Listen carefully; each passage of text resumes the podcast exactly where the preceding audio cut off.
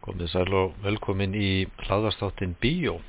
Að þessi sinni ætlum við að heyri henni önnu Hildi Hildibrandsdóttur uh, sem er leikstur í heimildamindarinnar A Song Called Hate. Verður frum sínd núni í vikunni í Bíó. Þessi mynd fjallar um listhópin Hatara og þáttu kannski Eurovision uh, fyrir tveimur árun, 2019. Þar veifuðu meðlimir eftirminnilega borða með fána Palestínu á lókinni keppni. Og Anna þekkir vel til Íslensk tónlistarlífs og tónlistamanna. Hún var fyrsti frangandastjóri útflutningsmiðstöðar íslenskar tónlistar, úttón, og hefur einnig starfað sem fjölmiðlafulltrú við vörumerkjað þróun Iceland Airways og verið frangandastjóri Nordic Music Export. En núna rekur hún eigið kvikundað farmleyslu fyrirtæki. So one of the most talked about acts at Eurovision this year is these guys, Hatari from Iceland. Hatari, is that right? Ég held að ég hef orðið jafnhissa og flestir aðrir þegar þeir skuldluðu lægi inn í söngvakeppnuna hérna á Íslandi og en ég hugsaði strax þetta getur nú kannski verið góð heimildamind. This is Hutari, the first time that Iceland has qualified in five years for the grand final. Their lead singer describes qualifying for the contest as bringing them one step nearer to our plan to destroy Capitol. Byrjaði að fylgja þeim einmitt þarna bara í byrjum mars, ég held að verið annan mars 2019 sem að úrslita kvöldu í Eurovision var. Og þá var ég með lítið krú og við tókum myndir og tókum við talvið öll. Gerðum um lítinn svona stuttan sjómars þátt sem byggði á því. Þetta voru svona pröfu og heimildatökur hjá okkur. Og, og ég var viðstöld þegar unnu og svo tengdist þeir við Bassar Murat ég hafði svona kontakta í London sem að þekkti mikið af palestinsku tónlistafólki og þeir spurði mig um það og ég tengdi þá þarna við í gegnum þennan vinnin í London. Og, og við filmiðum það þarna bara held ég tveimdögum eftir að þeir unnu þegar þeir kynntist Bassar fyrst mm -hmm. eins og palestinska tónlistamanni sem þeir unnu svona sem er mjög svona augrandi er já, ekki? eða svona mikið faratum aður já og var bara mjög mikið að, að svona þeirra lína hann hefði kannski ekki verið svona í þessum svona pólitísku svona en e, jú, mjög pólitískur að því leiti að hann er náttúrulega samkynniður og hefur hérna unnið mikið með það að koma því á framfari í tónlist og myndböndum og hefur nota listina til að benda á hvernig megi bæta samfélagið. Þetta og, er náttúrulega, hefur verið ótrúlega ævindir þarna í Ísrael. Já, þetta var mjög spennandi. Ég, ég var samt ekki alveg vissum að það gæti orðið efni fyrir en ég vissi að þau myndi fara út og það var ekkit alveg ljóst þarna í byrjun. En ja. svo gerist það, þetta gerist náttúrulega mjög hratt þannig að maður hefði mjög lítinn tíma til að skipulegja sig. Ég spurði í hann og djeng hvort þau getur leikstýrt myndinni og þau hefði ekki tíma og ég vildi endilega finna leikstjóra því ég hefði ekki séð mig, ég kem stíðin í fyrkvöldageran sem með það fyrir sjónum að ég vilja vera framlegandi en þau sögðu mér að stíga inn í þetta hlutverk og þau skildi hjálpa mér þannig að ég fer mm. og Baldvin Vernhansson sem hefur verið mikið að vinna með hattara, hann var tökumadurinn með mér og svo réðum við einn Ísraela og tvo palestinumenn í krú með okkur þarna úti hljóðmann ja. og eitt sem var svona tengiliður og, og sem var bílstjóri. Og þeir passu ótrúlega vel upp á okkur þarna í allum þessum ótrúlegu sviptingum Þetta er fyrsta leikstjórnarverkefni það eru einn Já.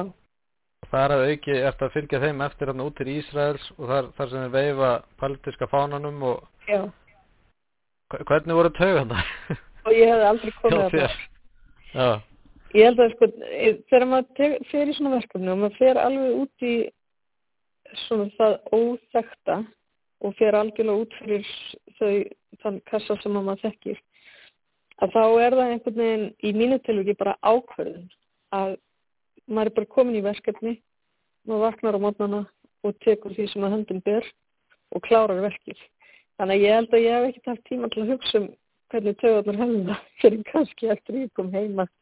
En, jötna, en af því að maður þarf bara að vera með fókusin í lægi allan tíman mm. og það var engin dagur eins og við hefum skipilagt að hann ætti að vera. Þannig að það voru allir dagar langir þannig að maður bara vissi að maður þurfti að vakna á morgunna og taka, taka á þessu og, og ná þessu efni líka sem var kannski aldrei mikilvægt því við vissum í rauninni, við vorum í svo mikilvægt óvissu, við vissum ekki hvað hattar ætlaði að gera.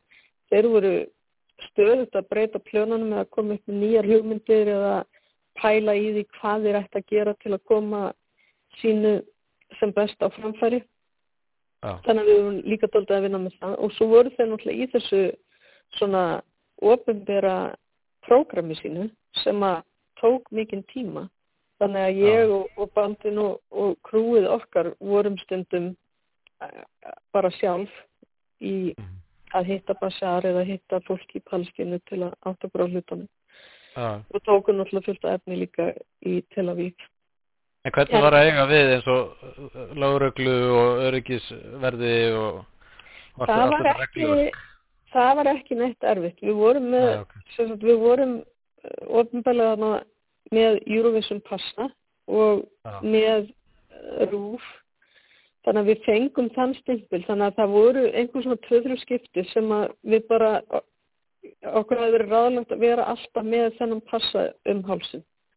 Mhm. Það voru svona tvö-þrjú skiptir sem við síndum það og þá var ekkert vandamáli. Það var aldrei neitt, ég upplöði mig aldrei í nefni hættu en hins vegar kannski sáum og upplöðum hluti sem voru mjög ódægilegir og Mhm. ég held að, við allir fórum þarna eigum svona það er svona lífið áður við fórum þarna og lífið eftir við fórum þarna og ég hafði sjálf svo sem kynnt mér og undirbúið mig eins vel og ég hugsanlega gat og ég þekki þessa sögu, hún er búin að vera í fjölmiðlum allt mitt líf en að koma á staðinn og horfa á þetta og upplifa þetta er allt öðruvísu og það er eiginlega ekkert sem getur alveg undirbúið mann undir það. Hva, hvaða nálgun tekur þá efnið? Er, er, er, er, ertu fluga á vegga, ertu, þú veist, heyrist í þessum spyrli eða hvernig? Nei, það heyrist aldrei í mér, eða það heyrist eitthvað stöðar í mér kannski, en ég held að fólk fattu það kannski ekki, en það er, ég er ekki spyrill í myndinu. Við erum með, sögumennir eru Matti og Clemens og við horfum á allt ferðalagið í gegnum þeirra augu. Og við upplifum ferðalagið með þeim. Þannig að ég var í rauninni sem heimildagerða maður ákvað að taka þann vingil á það að ég væri að horfa á þetta í gegnum þá. En ég, ég tók mikið af viðtölum, tók mikið af viðtölum við þá og tók mikið af viðtölum við allan hattara hópin þegar við vorum að núti og það er svona stundin lagt undir sem sagan undir efninu. En, en fyrst og fremst erum við þarna að horfa á allt þetta ferðalega í gegnum augu þeirra. Og, og erum mjög trú því við stígum aldrei inn í neitt hlutverskapna. En ég fór af stað með spurningunum getur jæðarband frá Íslandi um, komist í gegn með skilabúðin sín þegar uh, það er komið svona inn í hvað kallar maður mainstream á íslensku svona mainströmmin. Mm. getur getur farið á svona stórt svið og komið skilabúðin til skila Mhm. og ég man að við rættum þetta mikið ég og Ian og Jane og, og það sem þau vöruðum alltaf við var að þessi maskina á eftir að gera þá glam. Hún á eftir að svona skemmtana væða þá. Já, og það var einmitt það sem að við hérna vorum svona daldið að fylgjast með myndið þeim takast að gera þetta. Og það vissi enginn fyrir bara að þeir tók upp fánan og hvort þeir myndi taka upp fánan eða Don't hold Eurovision in a state that is guilty of apartheid, occupation and ethnic cleansing. We thought uh, maybe we can take part and criticize the Israeli government with discussion, with art, with ideas, rather than boycotting. Basically being called to the principal's office. We talked to them and we asked them not to make political statements in, in here. En hver- Hvernig leið þér á því augnabliki? Þú hlýtur að hafa verið nærri. Já, ég var reyndar út í sal akkurat á því augnablikki að því við máttum ekki koma nálega en svo fekk Baldur að hlaupa bakvið eftir á og það er kannski augnablikk sem er spennandi að sjá í myndinni því að það er upplifið einmitt í gegnum þau hvernig þeim leið.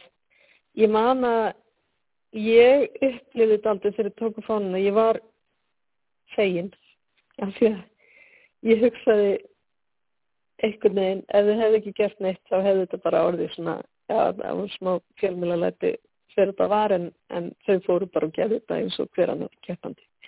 Þannig að ég man alveg að tilfinningin mín var já gott hjá þeim að gera þetta.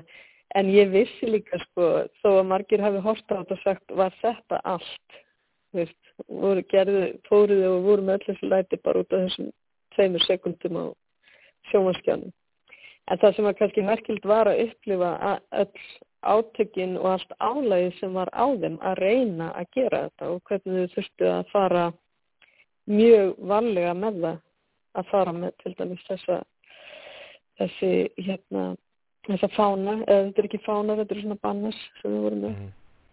og, og hvernig þau smugluðu þeim inn og, og hvaða áhrif þetta hafði svo á þau eftir á og hvernig hvernig þeim leið eftir á.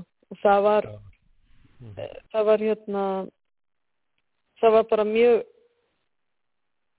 átakanlegt að mörguleiti að sjá það en það var líka svona, ég fann að ég var einhvern veginn þarna, mér fannst, ég var fegin að þetta hefði gerst Mhm. Og vissuleiti þetta líka fegin að þetta hefur gerst út af myndinni. það hefur örgulega blandast inn í það Mm. en ég, ég hef mikið velti fyrir mér líka, líka velti fyrir mér hvert er hlutverk heimildagerðamannsins af því að um, leið og kameran er komin á þá er hún alltaf með einhvað sjónarhort og maður er aldrei alveg fullkomlega hlutlus Nei. en þetta hefði heimildamyndin orðið eitthvað annað og það hefði orðið einhver önnur viðbröð ef að þeir hefði ekki gert þetta þá hefði maður auðvitað bara unnið með það. En svona í hita leiksins þegar maður finnur alla spennun og finnur hvernig þetta er búið að magnast upp og, og maður einhvern veginn ég var svo sem ekki búin að gera mér neitt í hugalunda því að ég hugsa að ég verð að vera trú því að ég er bara að fylgja þeirra ferðalagi hérna og ég sé þetta með augum matta og klemensar þannig að hvað sem þeir ákvaðu þá, þá var það ekki mitt að reyna að hafa áhrif á það. And when we come to artists, I think they have a special freedom to use all sorts of strategies to mediate those opinions. Up until now, it has all been talking, and talking, and talking, and I think now it's time for doing.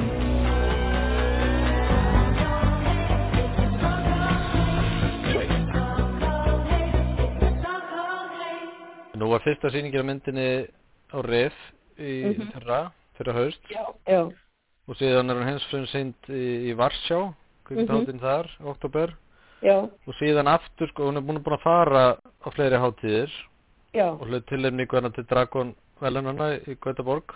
já, Uh, hvernig, þá, sagt, þetta því náttúrulega að þú ert búinn að upplifa viðbröð fólks og, og, og viðtökurna við henni. Hver- Já. Hvernig hafa það verið? það var bara verið mjög góðar og það er búið að vera einmitt dásanlegt að fá þessi tvö tækifæri til að sitja í bíó með fólki. Ég fór út til Varsjár og var hérna í uh, bíóparadís þegar hún var sínd á RIF og það var mjög gott að upplifa þetta með fólki og finna hvar hérna hvar fólk svona finnur þau, maður finnur viðbröð hjá fólki og, maður, og það var klappað bæði í Varsjá Já. og og hérna á ákveðnum svona momentum og það var aldrei gaman að upplifa það að þetta hreyfði við fólki og svona að fólk er, já, að upplifa þessa sögu náttúrulega hver með sínum hætti en hún, hún hreyfi við þeim og það hafa allir skoðun á þessu Mm.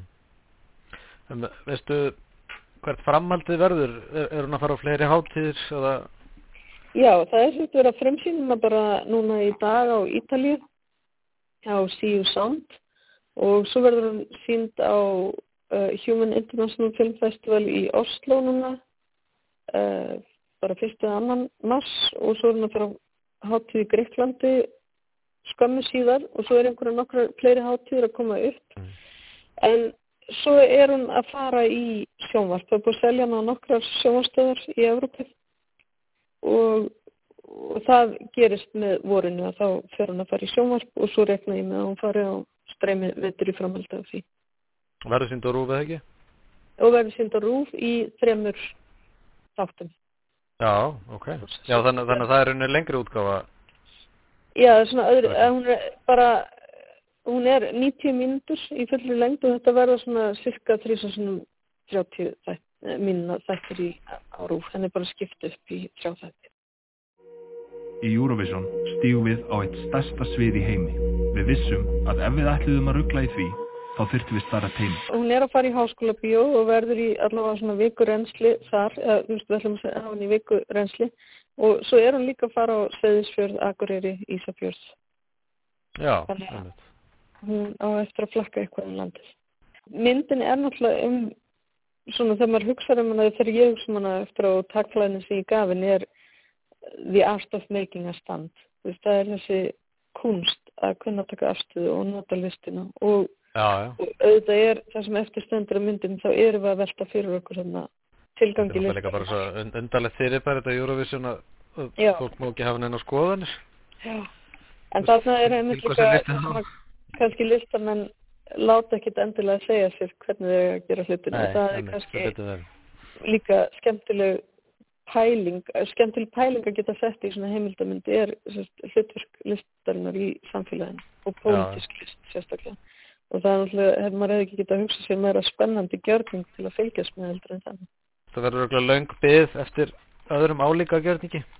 Já, já, já, það er ekkit, hérna, þetta er ekkit grín að fara í svona ferðalag, sko, þannig að það eftir að sjá það hvernig þeir svona lít út fyrir og eftir, sko.